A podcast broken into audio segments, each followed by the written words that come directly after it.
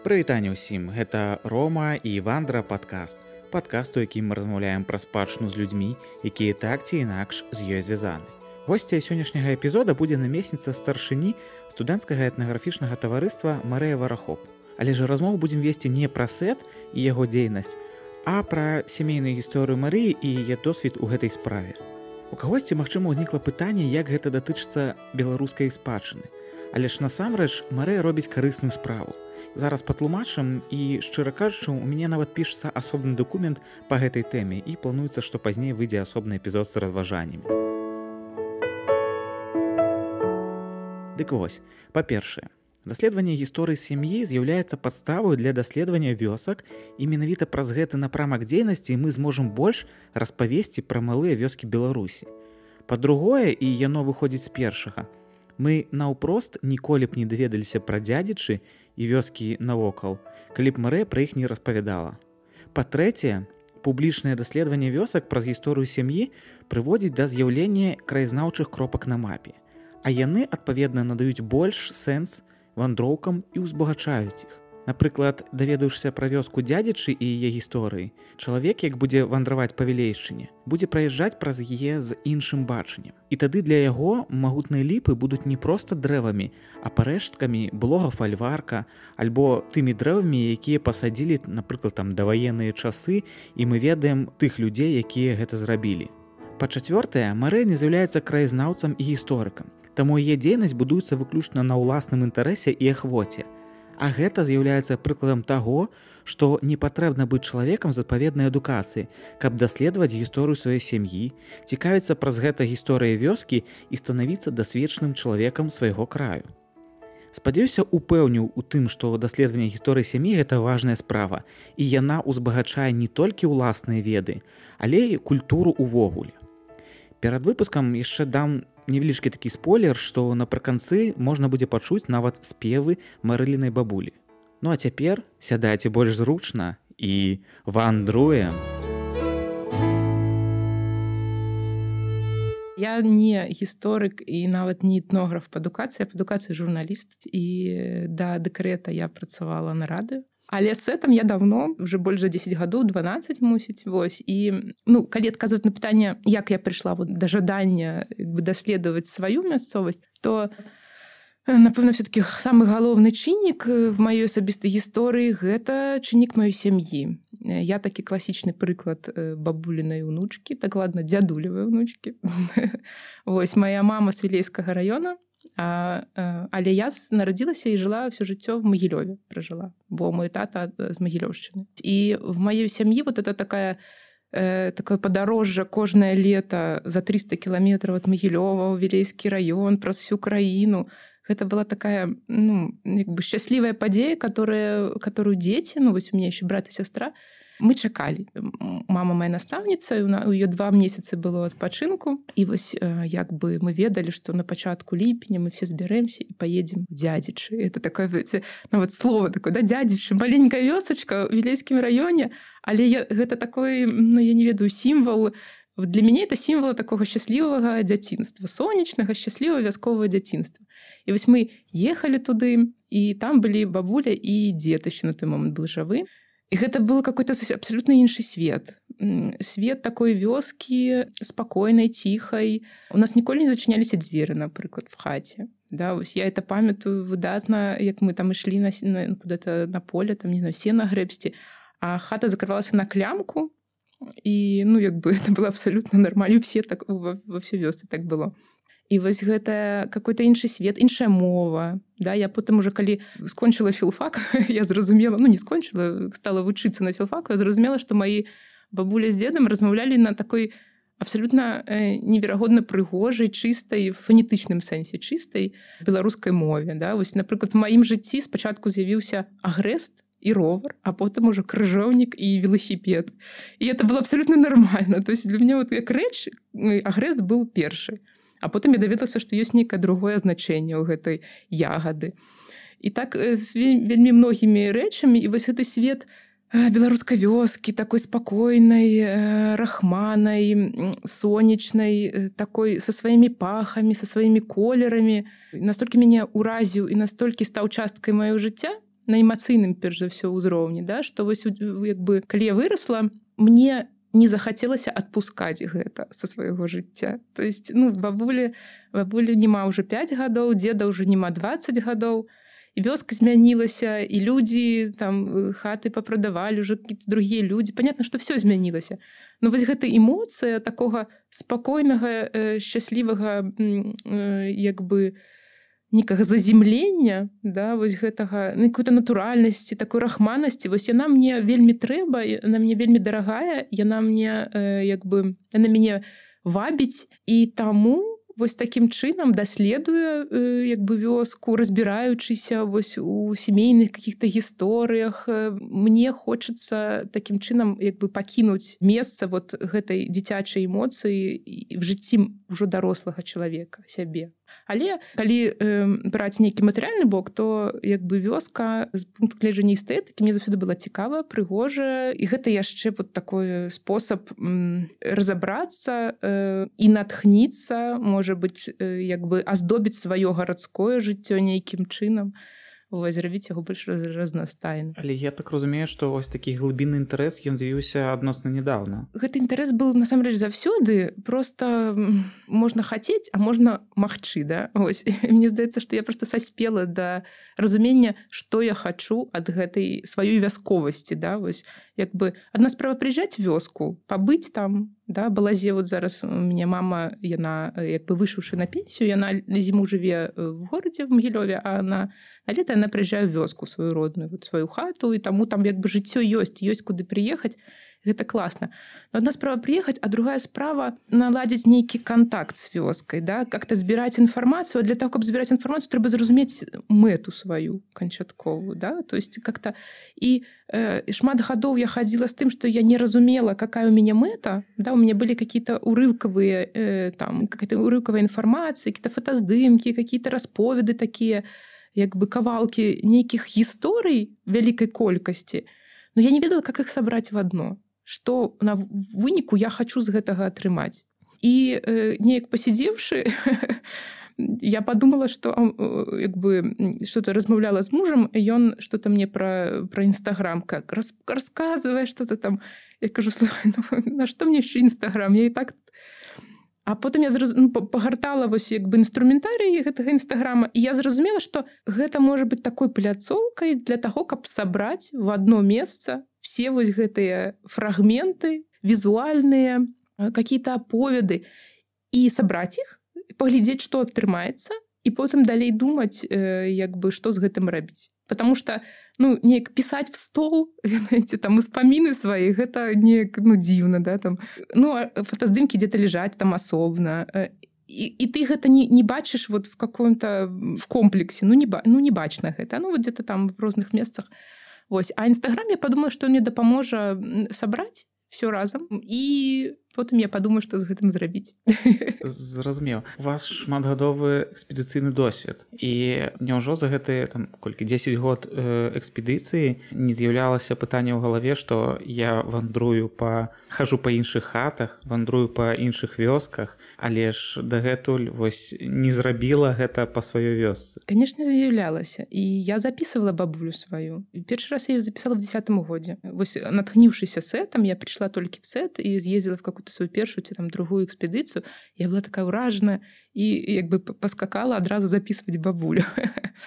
Но ведаеце экспедыцыйная э, дзейнасць она другая. І яна шукае вялікіх формаў Э, человек который в экспедыцыю ён что шукае ён шукае спевы перадусім да ну там вялікія формы народнай гамастацтва там майстроў нейкіх которые вот можно его взять этого майстра он там покажа як ткаць як э, вышываць там не знаю з дрэва штосьці рабіць спевако которые вот могуць сесть табе спець э, песні э, там музыкаў да але гэта ну, гэта рэдкія даволі рэчы. Ужо сёння да асабліва сёння ўжо нам ну, вот, знайсці як бы таких спеўных людзей э, в экспедыцыі даволі складана. То есть можна хадзіць там тыдзень э, па розных вёсках і знайсці добра калі адну бабулю которая вот табе э, хорошо паспявае.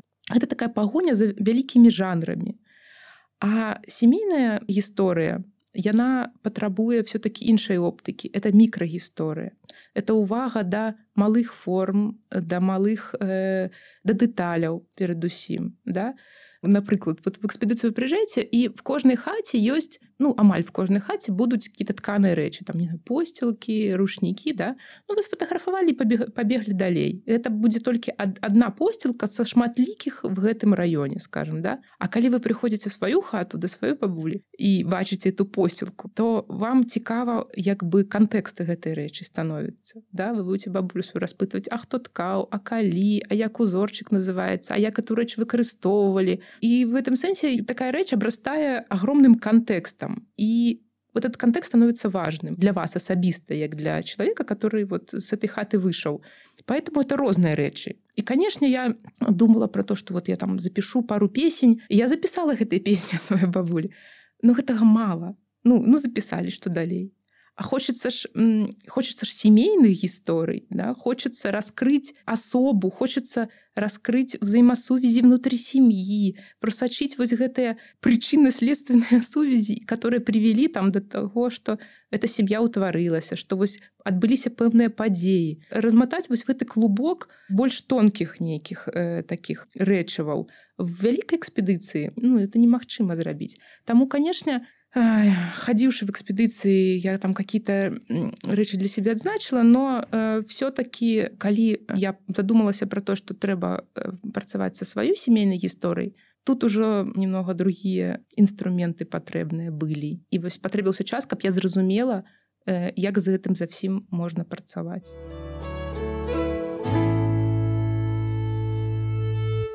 больш падыходзячы да вашай такой уласнай сямейнай гісторыі у вас у нстаграме быў цікавы допіс з з фотаздымкамі про тое что атрымоўваецца ўсходнюю частку вёскі дзядзічы яе набыла некалі ваша прапрабабуля а, а потым яна гэта вось завяшала сваім дзецям ёсць арыгінал той паперкі якая рабілася вілейскім натарыусам можете вось пра гэту гісторыю распавесці бо набыццё фальварка набыццё зямель цікавая гісторыя не не сялянская некая Ну як бы па дакументах у мне сяляне там продкі я пра шляхту не чула пра вілейскую прынамсі яны сяляне але да вот гэта гісторыя про то что дядзічы гэта не просто вёска гэта як бы вёска дзе жывуць адны літвінович да? вот прозвішча моей мамы дзяводская літвінович і я заўсёды здзіўлялася дзяцінстве чаму все літвінович чаму все вот суседзі яны як бы какие-то все сваякі там стрыечныя потым высветлілася что моя прапрабаба Катерина Літвінович яна прыехала з мядзельскага района вёска даўжані такі далёка вось ад дзядзіч там літаральна 10-15 кіламетраў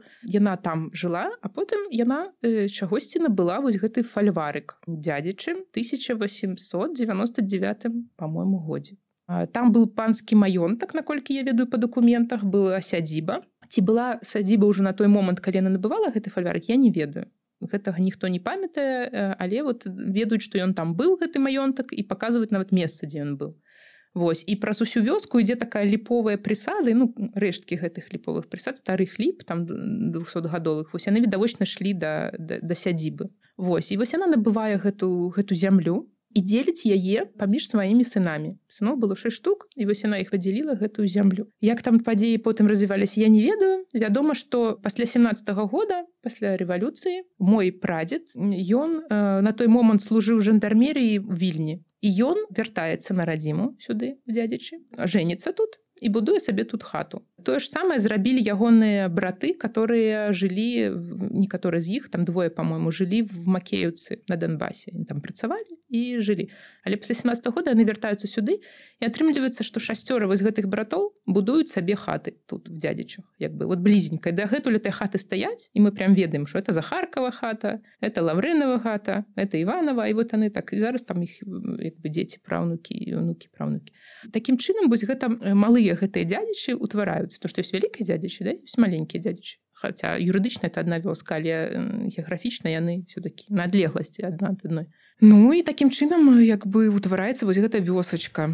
Потым іх дзеці там разбудоўваюцца побач какие-то новыя людзі пад'язджаюць. Але як бы сама па сабе вёска да яна ўтварылася вось з такога сямейнага паселішча. А вось у гэтай паперцы ну у завішчанні там таксама узгадваецца што ваша прапрабабуля прыходзіць да вілейскага натарыуса і прыходзіць не адна а яшчэ з трыма людзьмі якія ну, як сведкі пры афармленні гэтага дакумента. Ці ведаеце увогуле хто гэтыя людзі і а, наколькі яны блізка стасаваліся вось з вашай сям'ёй? Я наколькі ведаю бабуля пра пара бабуля была неграмотная. Таму ёй трэба быў чалавек людзі которые вось богу з ёй як бы на гэтай сделцы прысутнічаць. Адзін з іх гэта наш сусед. Ну фактычна мы ведаем што вось ягоная хата по суседстве. Я думаю што яны просто сябравалі ці яны можа быць нават былі какими-то сямейнымі э, як бы сувязямі павязаныя. Больш на жаль нічога не ведаю конкретно чаму менавіта яны пайшлі туды гэту сделку зацвярджаць. Вы кажаце пра бабуля была неграмотная з іншага боку яна набывае вялікі кавалак землі ці не задаваліся пытанне ўвогуле а як так магло здарыцца? Ну, адкуль грошы шчыра кажучы? Магчыма дзед быў заможнай сям'і яе муж. Яна рана засталася вдавой по-моему что там каля 40 гадоў. Вось і яе муж вось Іван гэты літвінович ён мусіць быў заможнай сям'і где-то з-пад куранца. Суседні таксама вёз па сямейных э, нейкіх гісторыях вот ён з-пад куранца. І ён быў як бы чалавек заможны хутчэй за ўсё она просто па мужу атрымала э, нейкі пасаг і вырашыла што дзяцей ну не пасаг канешне спадчыну да і што вот дзяцей трэба забяспечыць маёмасцю вось такім чынам яна вырашыла гэтыя грошы вкласці в зямлю зразумеў валоданне землёй гэта такое было як чырвоны сігнал у 39 годзе як прайшоў гэты перыяд для сям'і? Ну па-першае дзяцей было много да? Вось ну шасцёра сыноў хоць і зямлі там таксама кавала кладні но я думаю што паступова яны гэту землю прадавалі потому что э, я памятаю что мне дзед рассказываў что вот ёсць план гэтай гэтага земельнага участка при набыванні там і лес суседні туды ўваходзіць ну то есть там даволі вялікі надзел а потым ёсць документ который кажа про тое что яны продалі частку этой землі хутчэй за все яны вот паступова продавалі продавалі засталося толькі тое что вот сама вёска хаты і як бы гэтыя участкі каля хат ну там на агарод на нейкі сенакос і все я думаю что к 39 году яны уже не мелі там нейкага такога прям маёмасці вялікай вось. Может быть гэта іх уратавала потому что 39 год быў непросты я ведаю что былі рызыкі рознага кшталту баяліся. Ну прадзед вот мой баяўся і ёсць там сямейныя такія гісторыі про то как хацелі раскулачыць але ну, не пашанцавала карацей якім чынам пашанцавала? Я не ведаю як ён уратаваўся што яго канкрэтна ўратавалася але тое што такія прапановы былі на э, вот мясцовых сходах да там вясковых што вось трэба Івана літвіновича раскулачыць это было і гэта вот мне распавядала моя бабуля А гэта неяк паўплывала потым на стасункі ў вёсцы? Я думаю што гэта тэма была настолькі эм, настолькі цяжкая для вот, для апавядання што гэта не абмяркоўвалась і дзецям тым больш пра гэта не распавядалі. Ось ведаю што баяліся. Баяліся да апошняга баяліся ў 50-х годах потому что во-першае у дзеда ну конечно дзеда такая была біяграфія э, так сказаць не вельмі прыдатная для новага жыцця того что он был жандармам у вільні да яго дарэчы мянушка вот это жандарма яна бы вясковая такая. І деда майго называлі костя жандармаў прычапілася і все і плюс у яго была лавачка ён гандляваў мёдам і там яшчэ напэўна якімі свойскімі этими рэчамі. Вось так что да яго там чапляліся я ведаю вёсцы дакладна ну пашанцавала дзякую Богу памёр ён сваю смерцю. А, а зараз ужо не задаваліся пытаннямі так даведацца увогуле а як увогуле веравала жыццё менавіта вашай сям'і у улічваючы што ваш там прадзед быў жандармам лавачка была свая вакол сяляне там проста якія працуюць на зямлі івогуле як веравала вось жыццё як стасаваліся гэтыя два пласты насельніцтва. Как бы в нашай та вёсцы все сваякі былі разумееце по суседству. Браты э, племеннікі племенніцы як бы в этом сэнсе можа быць тут было больш комфортно потому что ну все-таки родныя людзі все. По-другое ён быў чалавек грамотны і наколькі я разумею что яго за гэта цанілі в вёсцы бо э, мне распавядалі что там лісты хадзілі да яго пісаць там какие-то заявы вот ну калі трэба было такая вот дапамога то ішлі да яго. Ну Мачыма ну чалавек ён был хороший як бы реально такі ну спакойны спагадлівы не канфліктны і я думаю што можа быць і гэта яму і дапамагло. Просто яго не не ціснулі на яго звонку прям моцна зразумеў ёсць увогуле разуменне адкуль гэта была грамата? Ну ён вучыўся. Ён давгінавскую народную вучыльню скончыў. У мяне ёсць прям гэты атэстат ягоны захаваўся про сямейны архів это наогул асобная песня. Таким чынам атрымалася так что сямейны архів апынуўся ў мяне с шматлікімі документамі я хацеў якраз таки удакладніць что не першы раз узгадваеце ну вось выкладалі там пастанову там завяшчанне і узгадвалі ўжо нейкую паперку там по продажы зямлі зараз ужо атэстат народно аб аканчэнні заканчэнні народным вучылішча. Увогуле наколькі багаты гэты дакументальны архіў і як ён ацалеў і трапіў до вас? Ну в этом сэнсе мне пашанцавала бо вот дзед Іван да ён і атрымліваецца был грамотны і таму я так думаю что ягоная маці вось баба это кацярына которая купила эту землю перадала яму на захаванне нейкія паперы маўляў што ў цябе лепей захаваецца да? і таму это засталося в нашай хаце. Мой дзед ягоны малодшы сын ён быў малодшы і таму ён застаўся в этой хаце жыць пасля шлюба. Ну адпаведна моя бабуля яна ніколі нічого не выкідала. І таму вось гэты скрутачык з гэтымі паперкамі ён акуратненько где-то быў схаваны на гарышча засунуты там в нейкія шопкі стопкі. І потым яго знайшла моя мама калі прыбіралася на гарышчы мы ведалі заўсёды что этой паперы ёсць гэта артыкулявалася в сям'і что вось ёсць это на зямлю папера что ёсць там э, тастамент гэты что ёсць там яшчэ какие-то документы але дзе яны і што яны ніхто не ведаў. І нават думалі что может быть згубілася з часам. Але вось высветлілася что оно все захоўвалася на гарышчы і мама вот гадоў ну, не знаю 10 напэўна таму знайшла гэта гэты пакунак. І там ёсць сапраўды вельмі цікавыя документы документы вот на зямлю план гэтага маёнтка фальварка дядзічы вось гэты тастамент который перапісывае на дзяцей. то там ёсць э, пасведчанне аб шлюбе напрыклад майго э, прадзеда. Яны вянчаліся з бабуляй в куранецкай царкве в десятым годзе. І вось прям выпіс касметрычнай кнігі. Ёсць э, гэтыя атэстаты пра дзеда вось далгінаўскага гэтага вучыліч і ягоных сыноў таксама. Яны ўжо в куранцы вучыліся Ну карацей просто не выкідалі документы. Мелі такую звычку все захоўваць фотаздымкі увогуле ну і все гэтыя паперы вы неяк так адлічбоўвалі сканавалі каб гэта захавалася ў лічбавым фармаце? Так першае што я зрабіла насамрэч в гэтым накірунку это все адсканіла каб э, была лічбавая копія всех документаў вот на google дыску вось оно у мяне заўсёды ляжыць яшчэ ёсць одна цікавая сямейная гісторыя гэта таксама пра яе пісалі як ваш прадзед ездзіў у Амерыку потым вяртаўся что гэта была за гісторыя пісалі что там і быў шлюб нейкі ў Амерыцы Мабыць у вас там сваякі ёсць у Амерыцы что гэта за гісторыя была? Там быў не шлюб там была нявеста гэта другі прадзед это ўжо э, тата маёй бабулі мой дзед костя літвінович ён взяў сабе дзяўчыну суседняй вёскі журыху ягены бацька шорыц было яго прозвішча вось ён э, в двадцатых годах ездзіў в Амерыку это правда. Ён я так разумею ездзіў зарабіць грошы сабе і па сямейных паданнях у яго там была нейкая дзяўчына як ён з ім пазнаёміўся ніхто не ведае але яна нібыта яму аплаціла дарогу туды. Купила ему квіток ён нібыта да яе ехаў жаніцца уже прям. Але что-то там пайшло не так відавочна бо шлюба ніякага не здарылася. Грошы ён зарабіў прывёз пабудаваў на гэта грошы хату купіў зямлю і ажаніўся з мясцовай дзяўчыны 17гадовай вось маёй прабабулі вяртаючыся з амерыкі ці вярнулись нейкія цікавыя гісторыі як там у тым свеце? Дайшлі яны да вас? Нічога пра гэта не ведаю. Бабуля моя не распавядала сколькі яе не пыталася вось пра гэты амерыканскія справы. Магчыма дзед просто не, не хацеў. Магчыма для яго это былі непрыемныя ўспаміны какие-то такія асабістыя сардэчныя я не ведаю там драма якая здарылася Таму ён пра гэта не распавядаў. Я толькі вот ведаю сам факт, што ён туды ездзіў і не жаніўся там, хаця планаваў.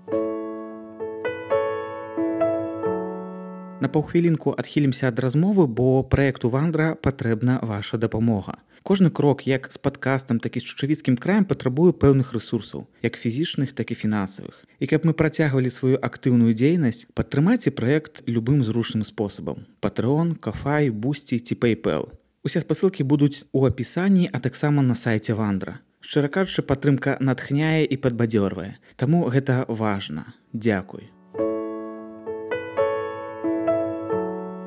Адзін прадзед працаваў жандармерыі другі ездзіў Амерыку. Надта такое заможнае жыццё падаецца было. І пытанне ці захавались нейкія рэчы з таго часу. Меркавана што сям'я жыла не надта бедна. Мабыць нейкія захавались вось каштоўнасці. Не ведаю там цікава упрыгожаныя куфры некія рэчы побытавыя якія вылучаліся з таго часу. Сям'я жыла не бедна ну але і не ну незаможна я б сказала що сярэдня і збольшага ну як бы не вылучалася яены побыт не вылучаўся з вот агульнага вясковага жыцця. Адзіная рэч которая вот неяк заўсёды нагадывала про да рэвалюцыйныя часы это такой вялікі чорны гадзіннік насценны. Вось па сямейных каких-то расповедах яго дзед Іван прывёз з вільні Вось ён дагэтуль нас вісіць в хаце ён можа быть там не не знаю не супер какой-то э,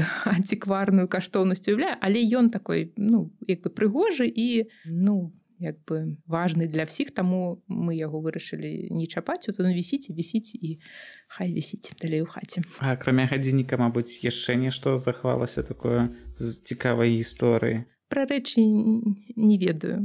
Я думаю что калі былі какие-то рэчы так яны былі прададзеныя і ад іх пазбаўляліся наўмысна каб просто не правакаваць э, дрэнных людзей на розныя неадэкватныя паводзіны потому что я ведаю што вайну вайну там былі всякія гісторыі нехарошыя калі прыходзілі патрабавалі вайну першую ці другую другую другую. Можете распавесці як прайшла другая светная вайна праз дзядзічы і ўвогуле там навакольныя вёскі Ну дзядзічам пашанцавала дзядзічы не былі спаленыя А вот журіхі адкуль моя бабуля родам яны былі спаленыя там э, вялікія лясы за вёскай уже пачынаюцца і там была партызанская зона і там былі актыўныя бы такія дзеянні Вось. Ну і як бы класічны лёс беларускай вось такой партызанскай вёс. Партызаны збіваюць кагосьці там з нямецкіх начальнікаў а, а немцы за гэта паліць вёску. Ось журыхамі здарылася прыкладна тое ж самае але хата маёй бабуля ацалела бо она стаяла на на ўскрайку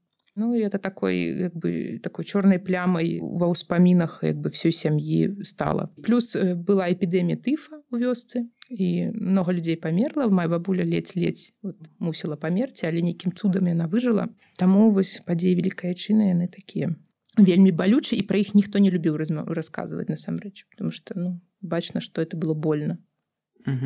А зараз вы ўжо не распытвалі ну альбо там не сваякова а дык суседзяў увогуле там мясцовых жыхароў як прайшоў гэты час праз іх. Ведаеце там такія ёсць гісторыі про которые я бы не хацела казаць потому что гэтыя людзі яшчэ жывыя і іх дзеці жывыя і як бы всякага было і пра паліцаяў і пра партызанаў і хто каго там біў хто каго мучыў. Вельмі все складана і все заблытана як в беларускай гісторыі на жаль А казаць не хочаце з якой прычыны? Бо дзеці гэтых людзей яшчэ і внукі жывуць в дзядзічах і калі яны пачуюць я бы не хацела каб яны А вы думаеце што яны не, не ведаюць? Кожны ж верыць то што хоча верыць і ведае то што ён хоча ведаць. Потому что нават нават вёсцы гэта вельмі больная тэма. Калі збіраюцца вот людзі быў такі выпадак калі там гэта было свята ці што збіраліся людзі і за сталом что-то такое пачалі ўзгадваць атрымаўся скандал потому что не было такога не я кажу что было такога да твой дзед то-то то-то а твой дзед вось гэта гэта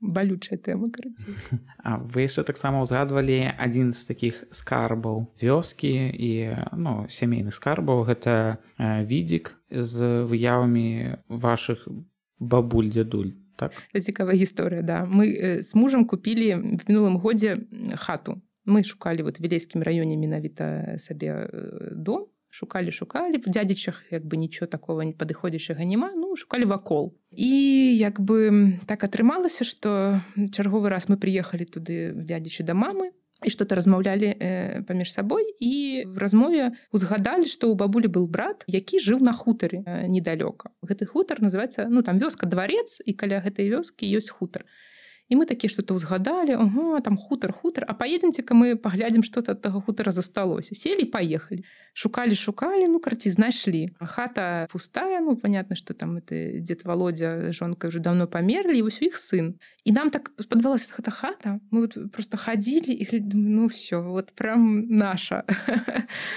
і связаліся з гэтым сынам звязаліся ён такі Окей да я вам прадам яе і калі ён прыехаў і адчыніў нам хату мы зайшлі туды там ну, хата давно не жылая бачна што але вісіць на сцяне вось гэты відзік да. Відзік это такое лакальная назва вось гэтых маляванак па шкле вілейскім раёне іх называюць відзікамі такая лакальная мастацкая традыцыя вісіць гэты відзік а на этом відзіку вот маленькі фотаздымак э, гаспадароў хаты і моя бабуля з дедам э, і мама на каленках маленькая сидзіць э, кажа глядзі типа ліля да мама да маёй звяртаецца глядзі табе типа, падарунак глядзі сюрпрыз я такая думаю о это знак трэба браць а справа в тым что э, гаспадар гэтай хаты дед володя бабулін брат ён вельмі сябраваў с маім дедам увесь час адзін да аднаго госці ездзілі і я так думаю что вот чисто так эмацыйна як бы гэты дзед володя захацеў каб был гэты фотаздымак в хаце это было так вельмі, вельмі міла і мы ўрэшце набылі гэту хату. І зараз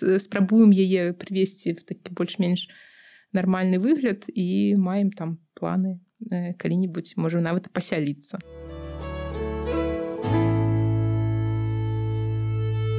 што зараз гэтыя вёскі якія вас цікавяць з пункта гледжання гісторыі сям'і Мабыць і больш што яны зараз сябе уяўляюць? Гэта нейкія такія зміраючыя вёскі? Ну трэба сказаць што гэта накірунак такі перспектыўны як кажа да там дарога на нарач. Таму гэтыя вёскі не выміраюць. В сэнсе таго што ну я магу пра дзядзічы дакладна сказаць што вось летом вёска жыве потому что в многія хаты прыязджаюць дзеці внукі э, колішніх гаспадароў і знаходзяцца там вот летом. Пакаленне маёй мамы ну вось это там 50 гады нараджэння людзі да 50 60 яны яшчэ працуюць многія хто-то ўжо на пенсіі і тот хто на пенсіі той прыязджае туды на лета той там какую-то гарод саджае ну нейкую дзейнасць вядзе хто-то на гаспадарку нават мінімальную нейкую трымае той хто яшчэ працуе той просто наездамі вось так на выходныя але таксама агарод много много хат дачнікамі купленыя то есть людзі вот э, там с маладэчна с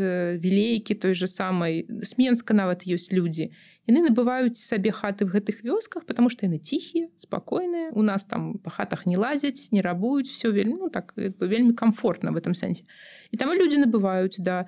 І у нас я могу сказать что пустых хат няма хата какая-то як бы вызваляется і, і адразу набываюць адзінае что конечно сумна немного что это чужие люди что такой вот супольнасці ўжо вясковай как вот маім дзяцінстве яе няма але все одно хата хата як бы не, не разваливается гэта ўжо добра с вялікімі вёскамі ну з той же любанню там с аднаго боку лепей сэнсе того что там есть какое-то жыццё там школа крамы ферма на которой люди могуць працаваць але з іншага боку я так разумею что моладзь там асабліва не затрымліваецца бо э, ну все-таки напэўна праца на фермы это не, не, не тое пра што мараць большасць маладых людзей а больш варыянтаў не так шмат. Таму такія вёскі яны занепадаюць паціху як мне здаецца все-таки а набываць сабе хату вялікай вёсцы гэта не вельмі хорошо нават з пункту гледжання бяспекі потому что много людзей людзі розныя ёсць п'ющие людзі ну то бок это менш комфортна чым в маленькай вёсачцы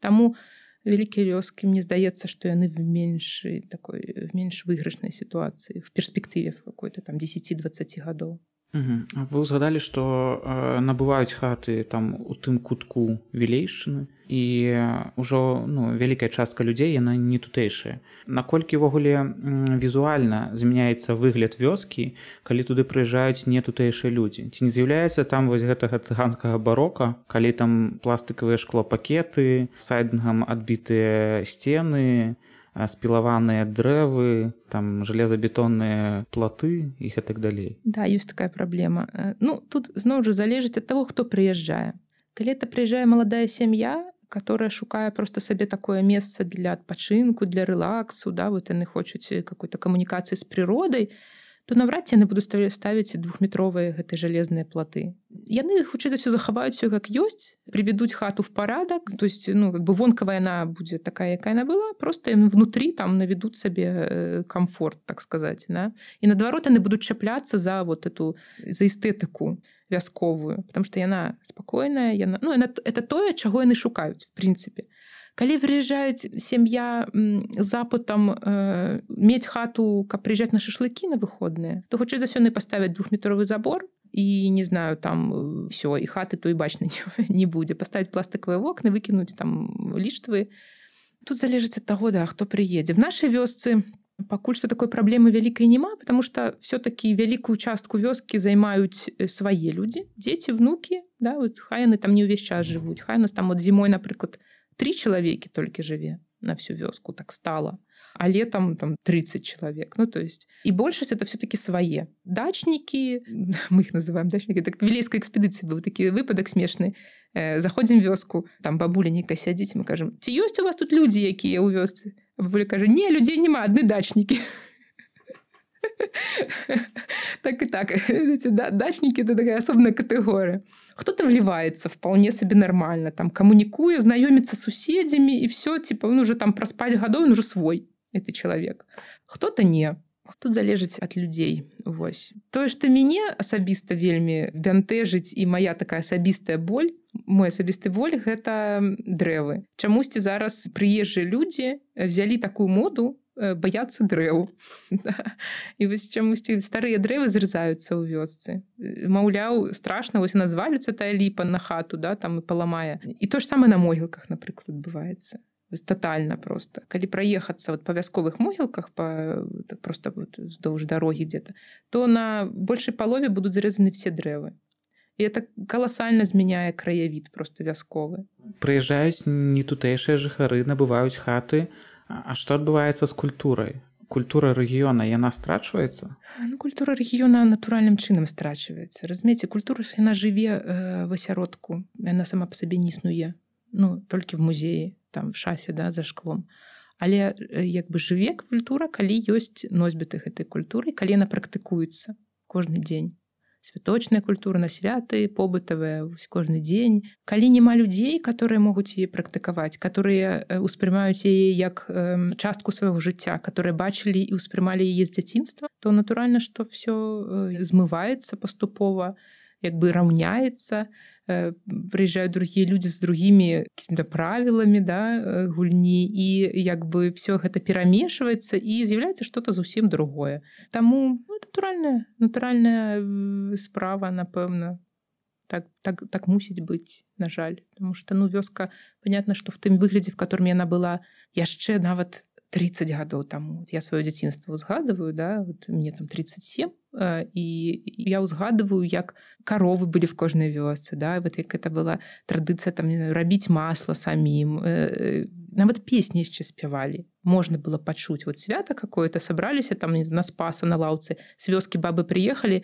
селі і что-то зацягнулі але ж ты людзі памерлі і як бы іх дзеці ўжо зусім інш... ну яны практыкуюць зусім іншую культуру. Нават калі яны прыязджаюць вёсцы вёску і нават калі яны там жывуць все одно это уже другая гісторыя это натуральна на жаль. Як бы сум сумна не было але так так будзе. Мы нічого з этим не можемм зрабіць. Вы узгадалі калі ну, набывалі э, планавалі набыць хату ў вёсцы э, узгадалі што разглядалі вілейскі раён тут ёсць некая сувязь каб не страшваць культуру хочацца каб вось у вілейскім раёне была хата і была магчымасць там жыць ці часцяком наведваць. Ну так это маё асабіста такое вельмі моцнае жаданне не адрывацца ад гэтага культурнага пласта. Вось я разумею на дадзены момант что пажыўшы в магілёве пажыўшы в мінску да я зараз жыву в менску уже там 8 гадоў і як бы я разумею что гэта частка мяне настолькі моцная яна настолькі мне патрэбная что я не магу ее отпусціць я не магу дазволіць ёй раствариться вот в маіх каких-то гарадскіх таких буднях.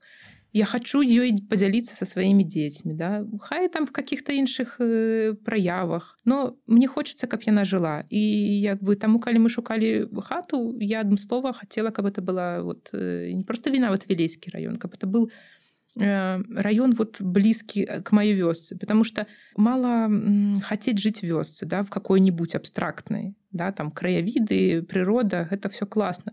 Но когда ты живешь в супольности своих людей, да, вось як я э, приезжаю зараз в свои дядичи, и вокруг тетки какие-то суседи, которые мне там ты чия? А ты манина, да? Ну, в лесе там сустрэнеш какого-нибудь человека. Вот литерально у меня недавно пошла в грибы, сустрела некага дядьку разгаварыліся я яго не ведаю першы раз яго бачу. Он суседні вёс он такой ты напэўна косцява унучка я такая чо кажет ну вот падобна і все і чалавек просто сходу разумееце сходу. Я толькі сказала што я дядзіч а ён адразу мне загадаў чыя я унучка гэта так класна вот это адчуванне какой-то еднасці людской на месцы потому что все мы вот все мы повязаны вот гэтымі тысячами тысячами нітачак гэтых гісторый падзеяў. Это стварае такой цёплы фон існавання в, этой вёсцы. Вось таму мне хацелася каб это было блізка. І я вельмі абрадавалася калі вот мы набылі в этом дварцы хату потому что гэта как бы не чужая хата. І мы нават калі афармлялі гэтыя дакументы сельсавет приехали А что-то вы с Могилева приехали ну магілёўскі нумары на машине что-то вы тут это Я кажу, так мы ж вялейскія я кажу я вот это раска... О, яны сразу такі знаете пацяплелі такі заусміхались А дык вы нашы ну добра гэта вельмі круто.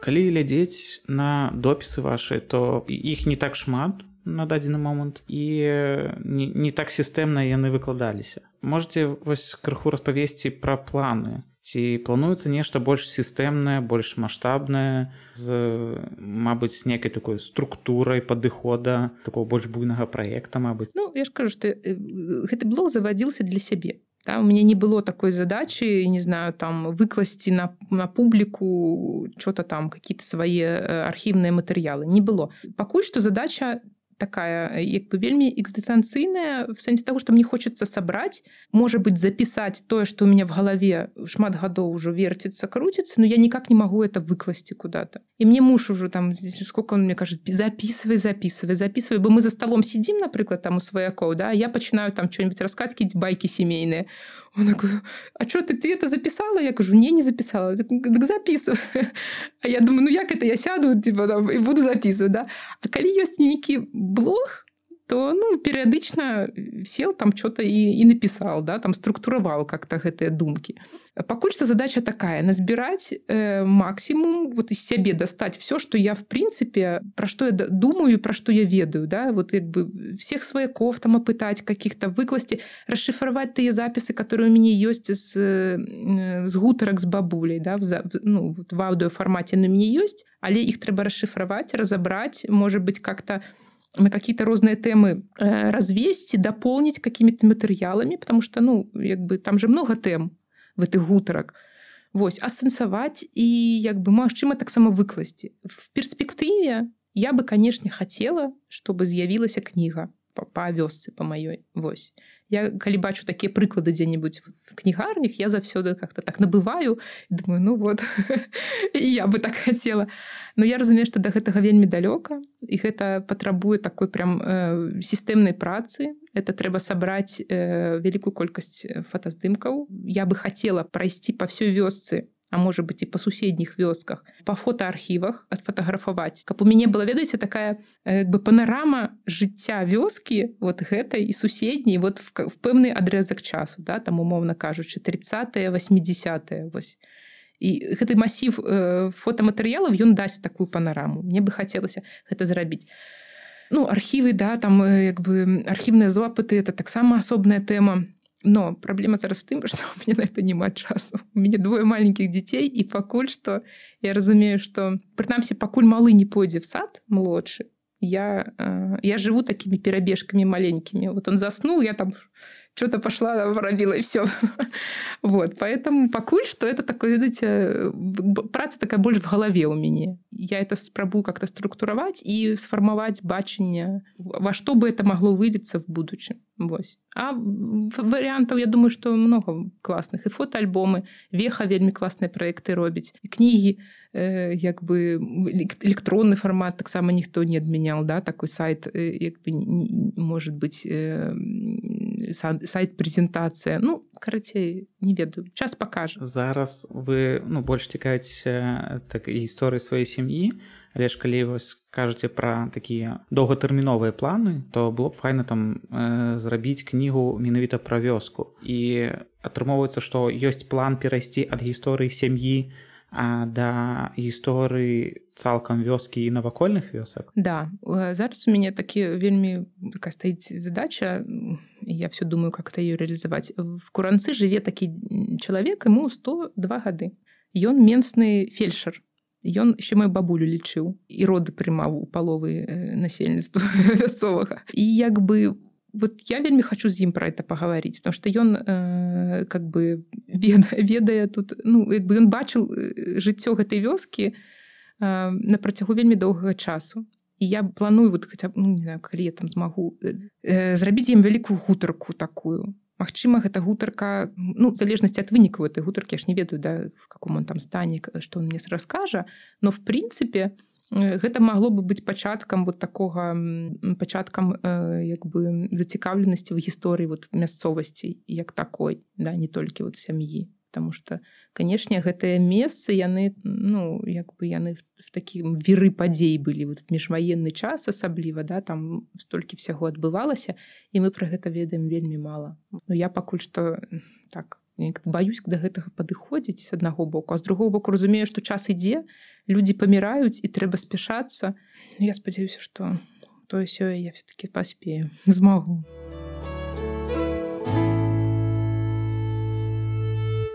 пачалі вы цікавіцца гісторыі сваёй сям'і ёсць мэта такая план зацікавіцца больш шырэй не толькі гісторыі сваёй сям'і таксама вырашылі гэта э, рабіць у паблік і э, не ўсё але ну, часткова нешта публікуеце каб грамадства пачытала што як адбывалася. Пытанне два. Што вас матывуе гэта рабіць? Івогуле навошта? Матывуе перадусім разуменне таго што э, мінулае сям'і яно настолькі знітавана з тваім жыццём цяперашнім. Нават калі это было 100 гадоў там нават калі это было 200 гадоў там в какой-то момант я просто адчула і зразумела наколькі гэта все пераплецена наколькі учынкі тых людзей уплываюць зараз на мяне на як бы на мой светапогляд наколькі гэта поплыва. І мне хочется як бы разабраць гэты рэбус мне хочется в яго как бы паглыбіцца. на і больш даведацца пра гэтых людзей. Такім чынам может быть трошку больш пра сябе зразумець да? і сямейная гісторыя конечно это самое прыдатная такой старт для для працы потому что ну у многіх людзей яшчэ жывыя бабулі дзедулі цёткі дядзькі і нават калі здаецца что ну что мы там ведаюць там это там дядьку там у 60 гадоў гэта не так. Я бы хотела каб людзі разумелі что э, не трэба баяцца і трэба трэба гэта за, записывать потому что люди сыдуць і будзе вельмі балюча будзе вельмі э, вы будете доўга сабе потом дакараць что вы не паспелі а з другого боку такая камунікацыя внутри сем'і яна вельмі аб'ядноўвае я по сваёй сям'і ведаю что калі я вот пачала там дакалупвацца на этих сваіх сваякоў перыядычна это как-то всех взбадрыла так ведаеце все такие теперь ой там это какая-нибудь тетка перыядычна тэлефануе маме кажуць ой скажи маша что я там фотаздымак знайшла там какой-то пусть там приедет и все как-то аб'ядноўваюцца вакол этой темы. Все пачынаюць вспоминать все пачынаюць про это говорить. И изъявляется вот это адчуванне сям'і какой-то еднасці что вы не просто люди которые вот там не знаю в прозвішча у вас аднолькавая а вы вот э, у вас много всяго і у вас столькі тэм для размоў Вось такая сямейная гісторыя з дзядзеж і навакольных вёсак на вілейшыні. Спадзеемся, што Марыя не спыніцца і знойдзе рэсурс на даследаванне не толькі сваёй сям'і, але і вёсак агулам. У апісанні будзе інфармацыя, як можна падтрымаць праект вандра. Праект зараз актыўна падтрымлівае 17 чалавек і за гэта ім шчыры дзякуй. Дзякуй, што даслухалі гэты выпуск да канца. Падзеліся ім сябрамі, мабыць, кагосьці прыклад мары натхніць на свае ўласныя даследаванні. Кагосьці заматывуе на больш буйныя справы. А мабыць, хтосьці увогуле далучыцца і падтрымае Марыю. А каб не страціць наступныя эпізоды, подписывайтеся на падкаст і сацыяльныя сеткі праекта вандра. Ну а зараз слухаем спеў Мары Івановны Літвінович, бабулі Мары Варахоп. І, канешне, вандруем. Пара дамо пара Студена росапа Добре? Добре, добре.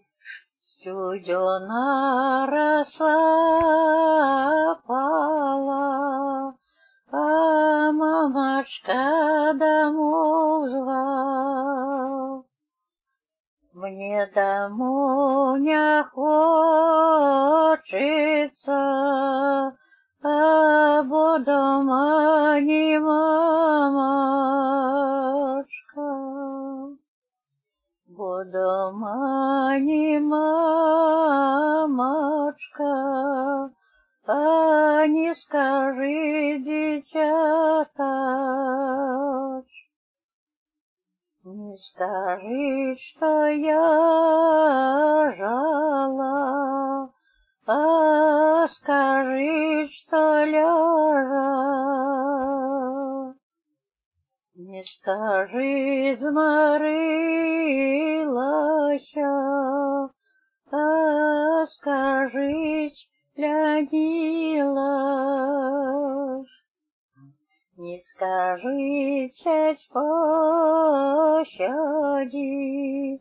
и скажи, воды сходи. А пора домой, пора, чудо на рассыпать.